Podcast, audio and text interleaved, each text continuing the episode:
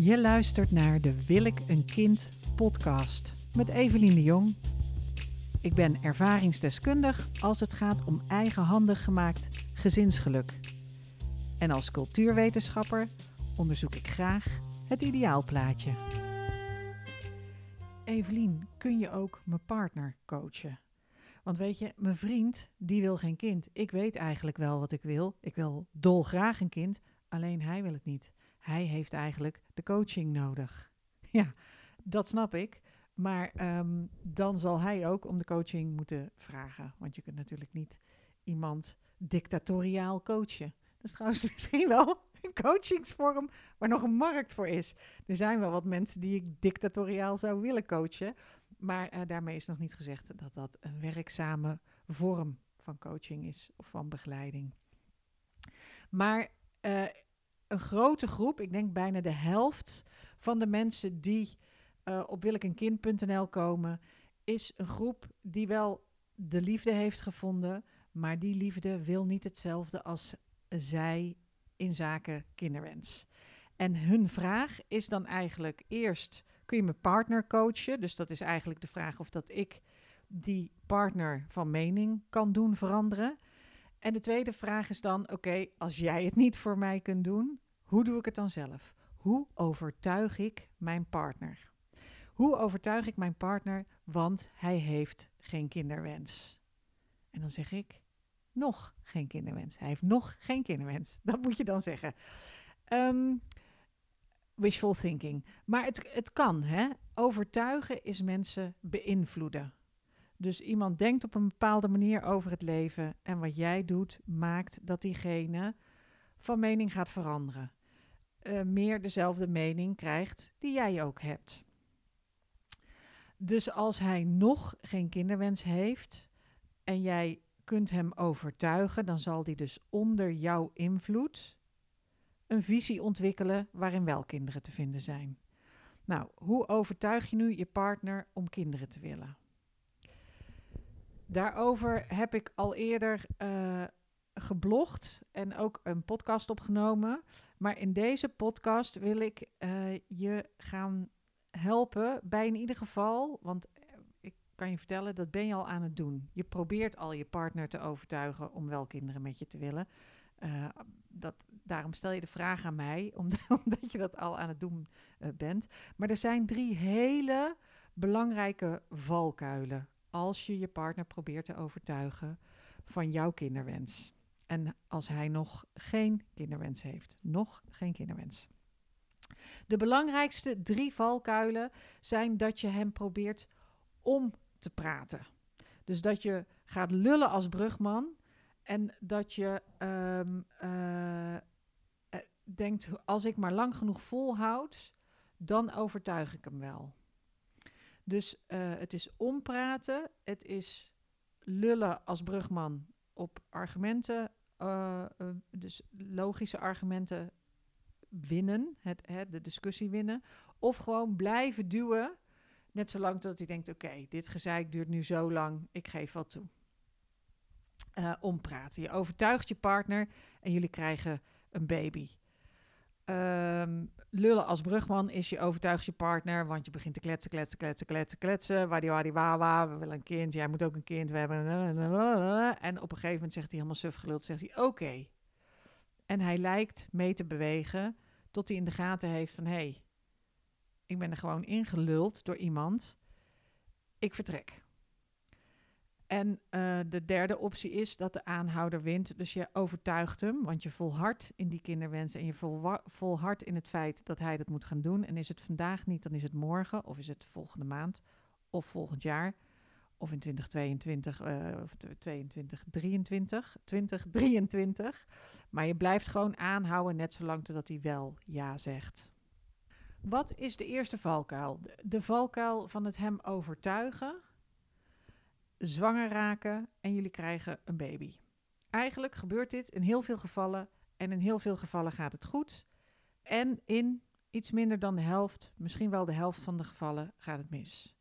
Dus je overtuigt je lief dat jullie er aan toe zijn, dat jullie er klaar voor zijn, dat het moment daar is dat jullie samen een kind willen krijgen. Je overtuigt hem. Jullie doen pogingen om zwanger te raken samen. Je raakt zwanger en je krijgt een baby. Yay! Of misschien niet per se. Yay! Want als je je partner overtuigt, dus als hij niet uit zichzelf heel graag een kind wil, en het is voor mannen misschien iets anders dan voor vrouwen, even hè, voor het gemak van dit vraagstuk ben ik even niet woke. um, het, het is voor mannen ook anders dan voor vrouwen, dus misschien laat hij zich makkelijk overtuigen of uh, heeft hij gewoon koud watervrees of wil hij het wel, maar is hij bang voor iets anders. Maar stel jij over, dus jullie staan er niet helemaal hetzelfde in, maar jij overtuigt hem, je raakt zwanger, jullie krijgen een baby, dan zijn er eigenlijk twee verschillende scenario's. Of hij wilde ook echt een kind en dan is hij blij en hij doet zijn best. Of hij wilde eigenlijk geen kind, maar je hebt hem overtuigd. En in die tweede situatie zit jij met de gebakken peren. Want dan is hij dus vader tegen wil en dank. En iemand die tegen wil en dank aan het vaderschap begint, dat is niet een situatie die automatisch beter wordt. Dat is een situatie die verslechtert. En dan kan hij dus zeggen: Ja, jij hebt me toen overtuigd ervan dat het leuk zou zijn, maar vind het niet leuk. Jij wilde zo graag, het is jouw verantwoordelijkheid. Of in het slechtste geval het kind is jouw schuld. Het is jouw schuld dat we hier een huilende baby, hè, het slaapgebrek, het ruimtegebrek, de kosten, de fysieke ongemakken, het einde van jullie seksleven, de slapeloze nachten, dat is allemaal jouw schuld, want jij hebt hem overtuigd. En dat laat hij je dan weten. Nou, dat is geen prettige situatie. Maar dat is dus de eerste valkuil. Dat is als je, als je iemand gaat overtuigen van iets wat hij zelf niet wil. En het is best lastig om een inschatting te maken van wil hij ook echt een kind zelf? Is hij blij en doet hij zijn best? Want in een ander blog heb ik wel eens geschreven als mannen nee zeggen, bedoelen ze eigenlijk ja. Waarmee ik niet uh, wil zeggen uh, dat er zijn ook mannen die nee zeggen en nee bedoelen. Maar er zijn ook mannen die zeggen nee, omdat ze denken van spannend. Maar eigenlijk vinden ze het ook wel prima. En er zijn dus mannen die zeggen nee. En die bedoelen echt absoluut nee. Nee, ik wil het niet. Ik kan het niet. Ik heb een slechte jeugd gehad. Ik ben hoogsensitief. Ik kan niet tegen de herrie. Ik wil juist carrière gaan maken. Jij bent niet de vrouw voor mij om kinderen mee te krijgen. Er kan van alles zijn. Er kan van alles zijn. Maar het kan zijn dat hij echt, echt, echt geen kind wil. En ook niet in staat is om voor jou dat wel te willen. Dus dat is de eerste valkuil bij het overtuigen van iemand. Dus dit is iets wat heel veel gebeurt. Maar daar is ook het scheidingspercentage na, naar. Dus een, een scheidingspercentage van 39,6 procent. dus laten we zeggen 40 procent gaat scheiden. Nou, blijft dus 60 procent van de huwelijken, die blijven samen. Uh, en daarvan, als je goed nadenkt over de getrouwde mensen die je kent en die wel nog samen zijn, daarvan is een aanzienlijk deel dat had misschien beter ook kunnen gescheiden. Dus, maar dat overtuigen is dus de eerste valkuil. De valkuil 2 is dat je gaat lullen als brugman. En wat gebeurt er dan? Nou, wat is gebeurd? Jij was aan het woord. En je was niet zomaar aan het woord, je was aan het hoogste woord. Je had goede argumenten, je hebt het met flair gebracht. Je hebt het gepraat als brugman. Jan Brugman uit de 15e eeuw, 14 zoveel, dat was een volksprediker en die kon met heel veel woorden en grote overtuigingskracht mensen omlullen. Daar komt het woord vandaan. Lullen als brugman is dus mensen omlullen. Jij bent aan het woord, je biedt af en toe ruimte aan je partner om ja te zeggen en hij zegt ja op alles, ja, ja, ja, ja, ja, want hij denkt laat het ophouden. Dus het kan zijn dat jij aan het lullen bent als brugman, helemaal niet naar hem luistert, ook niet naar hem kijkt, niet zijn, lichaamhouding, niet zijn lichaamshouding checkt, niet invoelt, aanvoelt, niet het empathisch vermogen hebt om jezelf in, in zijn situatie te verplaatsen en vanuit zijn standpunt te denken, maar je bent gewoon continu aan het zenden en aan het duwen en drukken. En hij zegt op alles ja, ja, ja. Niet omdat hij ja denkt. Hij denkt nee. Hij denkt nee. En hij voelt zich in het nauw gedreven. En hij zegt ja, ja, ja, omdat hij denkt: ik ben weg hier. Hij pakt de nooduitgang. Hij zegt toedeledokie. En dat kan. Dit komt ook voor. Dus jij begint af en toe een gesprek over de kinderwens. Heb je hele goede argumenten. En dan uiteindelijk zegt hij ineens: Ik zie het toch niet meer zitten. Of het, je kan het ook doen door erover te zwijgen. Omdat je denkt: Ja, ik moet hem niet onder druk zetten. Maar ondertussen wel hints droppen. Dat kunnen vrouwen ook heel goed. Hints droppen. En dan vertwijfeld aan een vriendin vragen: Nou, hij snapt die hints niet. En dan ineens zegt hij: Ja, de koek is op. En dan, dan, dan vraag je: Lag dat aan die kinderwens? En dan zegt hij: Of dan zeg jij nee, want we hebben het helemaal niet meer gehad over die kinderwens. Maar dan ergens daaronder heeft vaak de kinderwens toch een rol gespeeld. Dus valkuil 2 is heel erg druk zetten. Of zelfs als je niet lult als brugman en het heel groot maakt. Dit lijkt heel erg op overtuigen natuurlijk. Dus de valkuil 1 is overtuigen, is dat je het in een soort slimmigheidje doet. En twee is dat je, ehm, dat lullen als brugman, is dat je maar blijft, blijft hameren. En drie is, je overtuigt hem, al is het het laatste wat je doet. Dus is het vandaag niet, dan is het morgen. Is het morgen niet, dan is het volgende week. En jij hebt het er maar druk mee. Je bent aan het uitstellen en het kost je, uh, nou ja, maanden, maanden kostbare tijd. Maar je bent bezig met hem te overtuigen. En hij heeft gewoon nog even tijd nodig. Hij kan niet zeggen hoeveel tijd hij nog nodig heeft. Of, of uh, uh, hoe lang dat dan gaat duren. Hij kan zelfs niet zeggen of hij uh, daarna wel zal willen. Maar hij zegt: Ik heb tijd nodig, ik heb ruimte nodig, ik ben er nog niet zeker over. En jij um, volhardt in de hoop. En um, daarmee kun je dus iedere maand steeds wanhopiger worden en steeds verdrietiger worden. En wat het belangrijkste is, is dat, um, dat je denkt dat je aan het volharden bent en dat je aan het doorzetten bent. Maar eigenlijk ben je dus aan het uitstellen. Want al je tijd en energie gaat zitten in de ander. Jouw leven staat in de wachtstand totdat de ander beweegt. En je verzuimt dus je eigen zaken te, te regelen voor jezelf. Dus je verzuimt om voor jezelf te denken: oké, stel nou dat hij over zes maanden nee zegt, wat doe ik dan? Dus je gaat eerst afwachten tot hij goedkeuring geeft, bijvoorbeeld om te stoppen met anticonceptie. En je gaat eerst afwachten wat hij doet voordat je zelf actief je woonsituatie gaat veranderen. Dit herken ik helemaal volkomen 100%.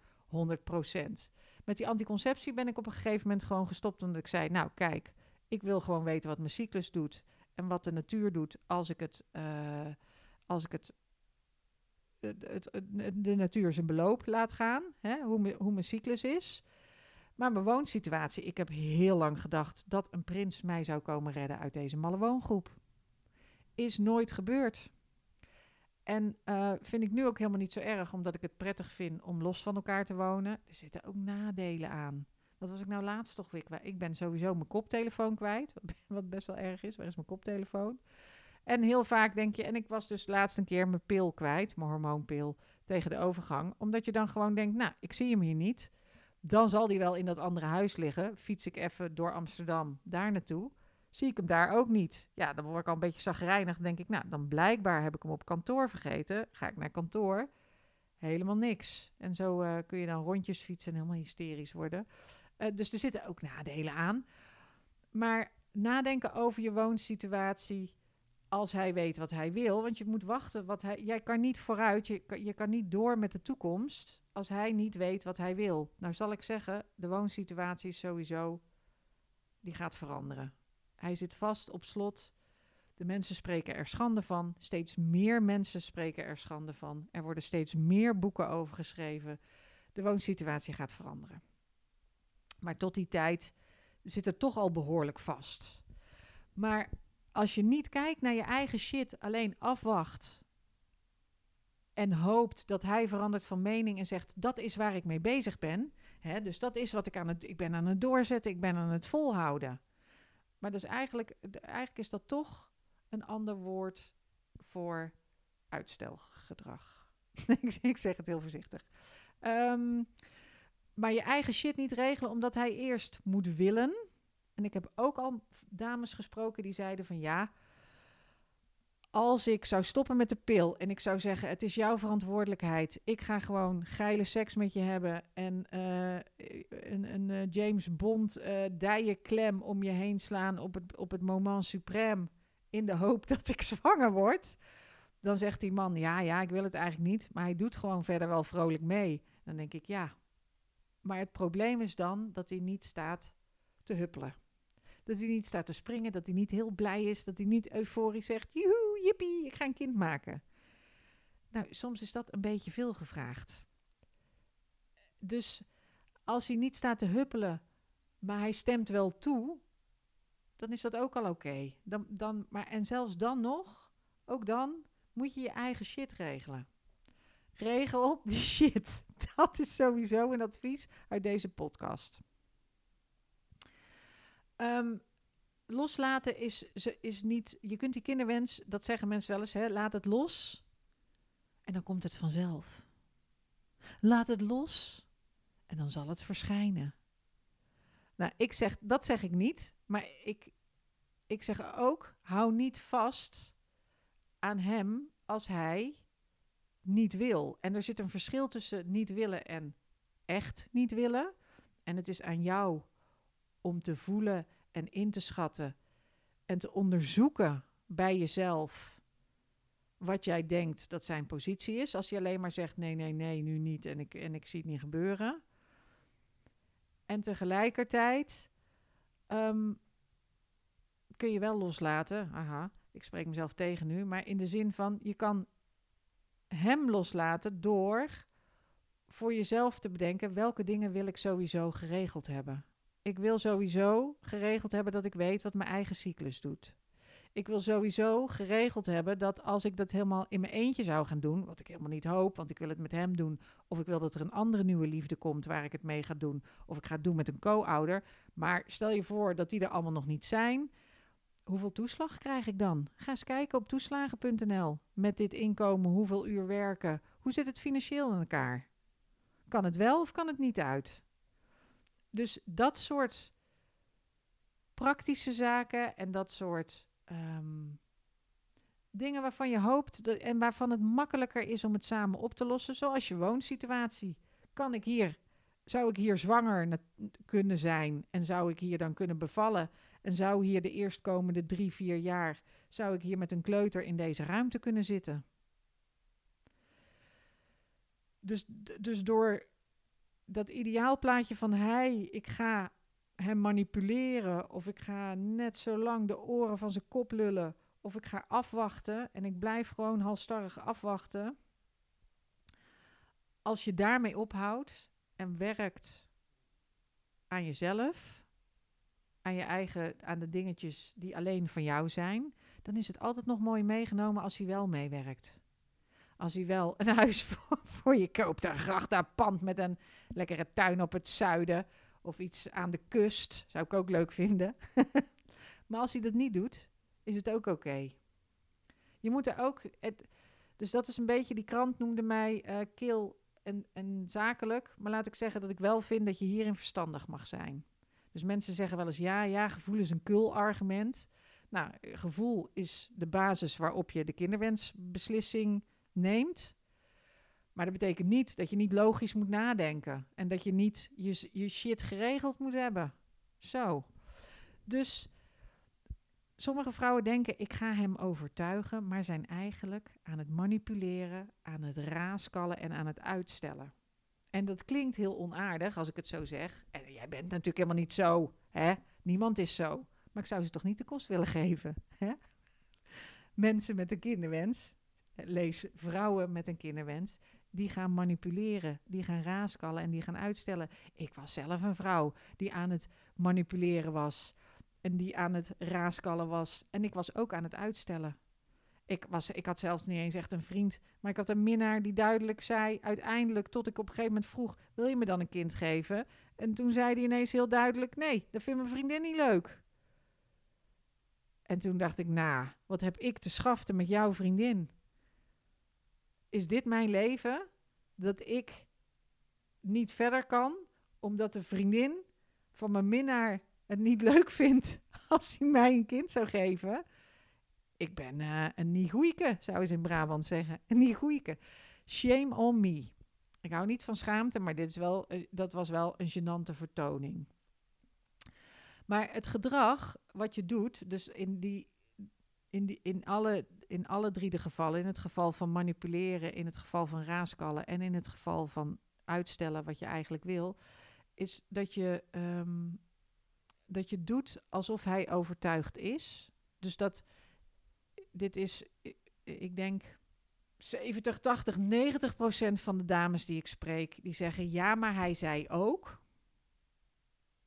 Hij zei ook dat hij jonge dieren wel leuk vindt. Ja, maar hij zei ook dat hij uh, zijn nichtje het allerleukste kind op aarde vindt. Ja, maar hij zei ook, zeg nooit nooit.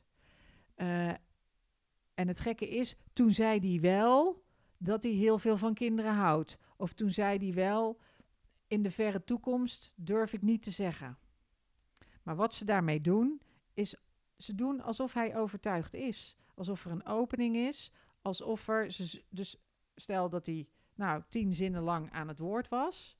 En daar hebben ze ook naar geluisterd. En dan pikken ze de drie woorden eruit die ze goed kunnen gebruiken.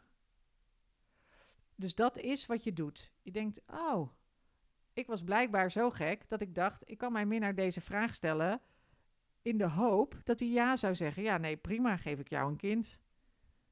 Uh, boeien wat mijn vriendin vindt. maar dat zei hij niet. Uh, maar lang heb ik dat dus gedacht. Wat je ook doet, hetzelfde als wat ik in deze podcast doe. Uh, dus, dat, dus je kunt doen alsof hij overtuigd is door heel selectief te luisteren. Wat je ook kunt doen, dat doe je als je lult als brugman, is helemaal niet luisteren. dat is een grap van uh, een stand-up comedian van Micha Wertheim. Die zegt van, kijk, een dialoog is eigenlijk, als ik aan het woord ben en andere mensen praten er doorheen. Nou, een vrouw met een kinderwens, als die een dialoog voeren, dan zijn ze aan het woord. En soms praat er iemand doorheen, maar is eigenlijk niet de bedoeling. Dus als je lult als brugman, dan ben je aan het woord en je luistert niet.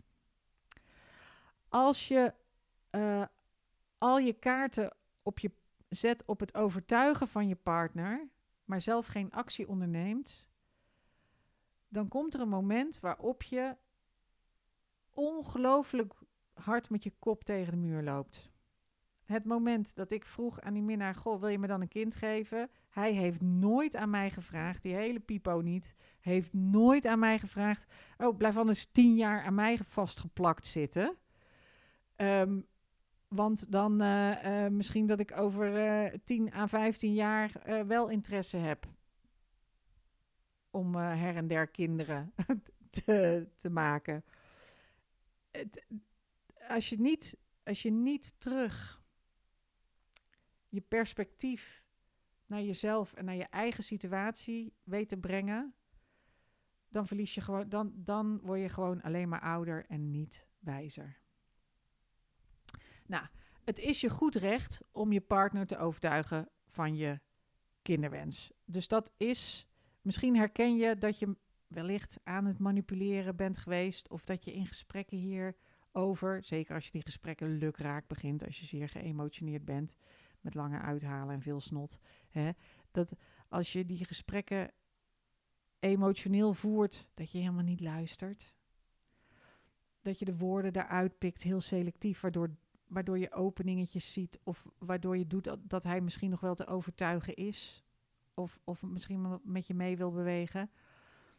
En, en als het je eigenlijk weerhoudt om zelf in actie te komen, als je denkt, ja, ik hoef niks te doen, want uh, ik ben gewoon een doorzetter. Ik volhard in deze relatie en dan zal het uiteindelijk wel goed komen. Als je weet dat je graag moeder wil worden, als je, als je niet weet, dan moet je me een mailtje sturen. Want ik heb een, een speciaal uh, traject ontwikkeld, een speciale training ontwikkeld om te achterhalen of dat je wel of niet dat verlangen voelt. Maar als je weet dat je graag moeder wilt worden, dan is je vriend niet het enige, nog het beste middel om te krijgen wat je wenst. Er zijn meer mogelijkheden en dat vond ik zo mooi aan de vraag in de Volkskrant van de dame die viel op oudere heren en die zei: Die oudere mannen zijn zo oud, die zijn te oud om nog aan het vaderschap te beginnen. Dat willen ze ook niet. Moet ik nu afstappen van mijn voorliefde voor vaderfiguren? Omdat als ik moeder wil worden, zal ik een jongere vent moeten uh, aantrekken. En al het advies, dus dan kan iedereen een, een advies insturen. En al het advies van alle mensen was: er zijn andere mogelijkheden. En één advies was: zoek een verlepte jongere die, die, al wat ouder lijkt, maar wel nog jong is en nog kinderen wil. Um, maar al het advies was: er zijn manieren om het solo te doen, er zijn manieren om het in co-ouderschap te doen, er zijn andere manieren om je verlangen in te vullen. Maar eigenlijk was al het advies: kijk naar jezelf, werk aan jezelf en, en blijf niet zitten in die valkuil van hem bewerken, op hem wachten of hopen en dromen dat hij verandert. Heb jezelf lief. Heb vooral met heel je hart jezelf lief en cultiveer je eigen verlangen en werk aan je eigen situatie. Nou, wat een bijna stichtelijk einde. Ik neem deze podcast ook op in de week voor Moederdag. Dus ik wil hiermee jullie allemaal een hart onder de riem, uh, hart onder de riem steken. Omdat Moederdag is toch ook bloody hell. Hè? Alsof je nog niet al genoeg. Maar wees lief uh, voor je eigen moeder. Of voor andere moeders die je kent. Die het, die het bikkel zwaar hebben. Um, ik hoop dat je er wat aan gehad hebt. Stap niet in die valkuil. Focus op jezelf. Als ik je ergens bij kan helpen. Heb je een gênant verhaal, een vraag mail me gewoon. info.willekenkind.nl En dan tot de volgende podcast. Doeg! Dankjewel voor het luisteren naar de Willek Kind podcast. Vond je dit goed en waardevol? Geef een duimpje omhoog of laat een review achter. Dan kunnen andere mensen deze podcast ook vinden. Wil je mij persoonlijk een vraag stellen of iets laten weten? Je vindt Willek een Kind op Instagram daar heet ik Wil ik een kind? Of je kunt me een mailtje sturen. info Fijne dag!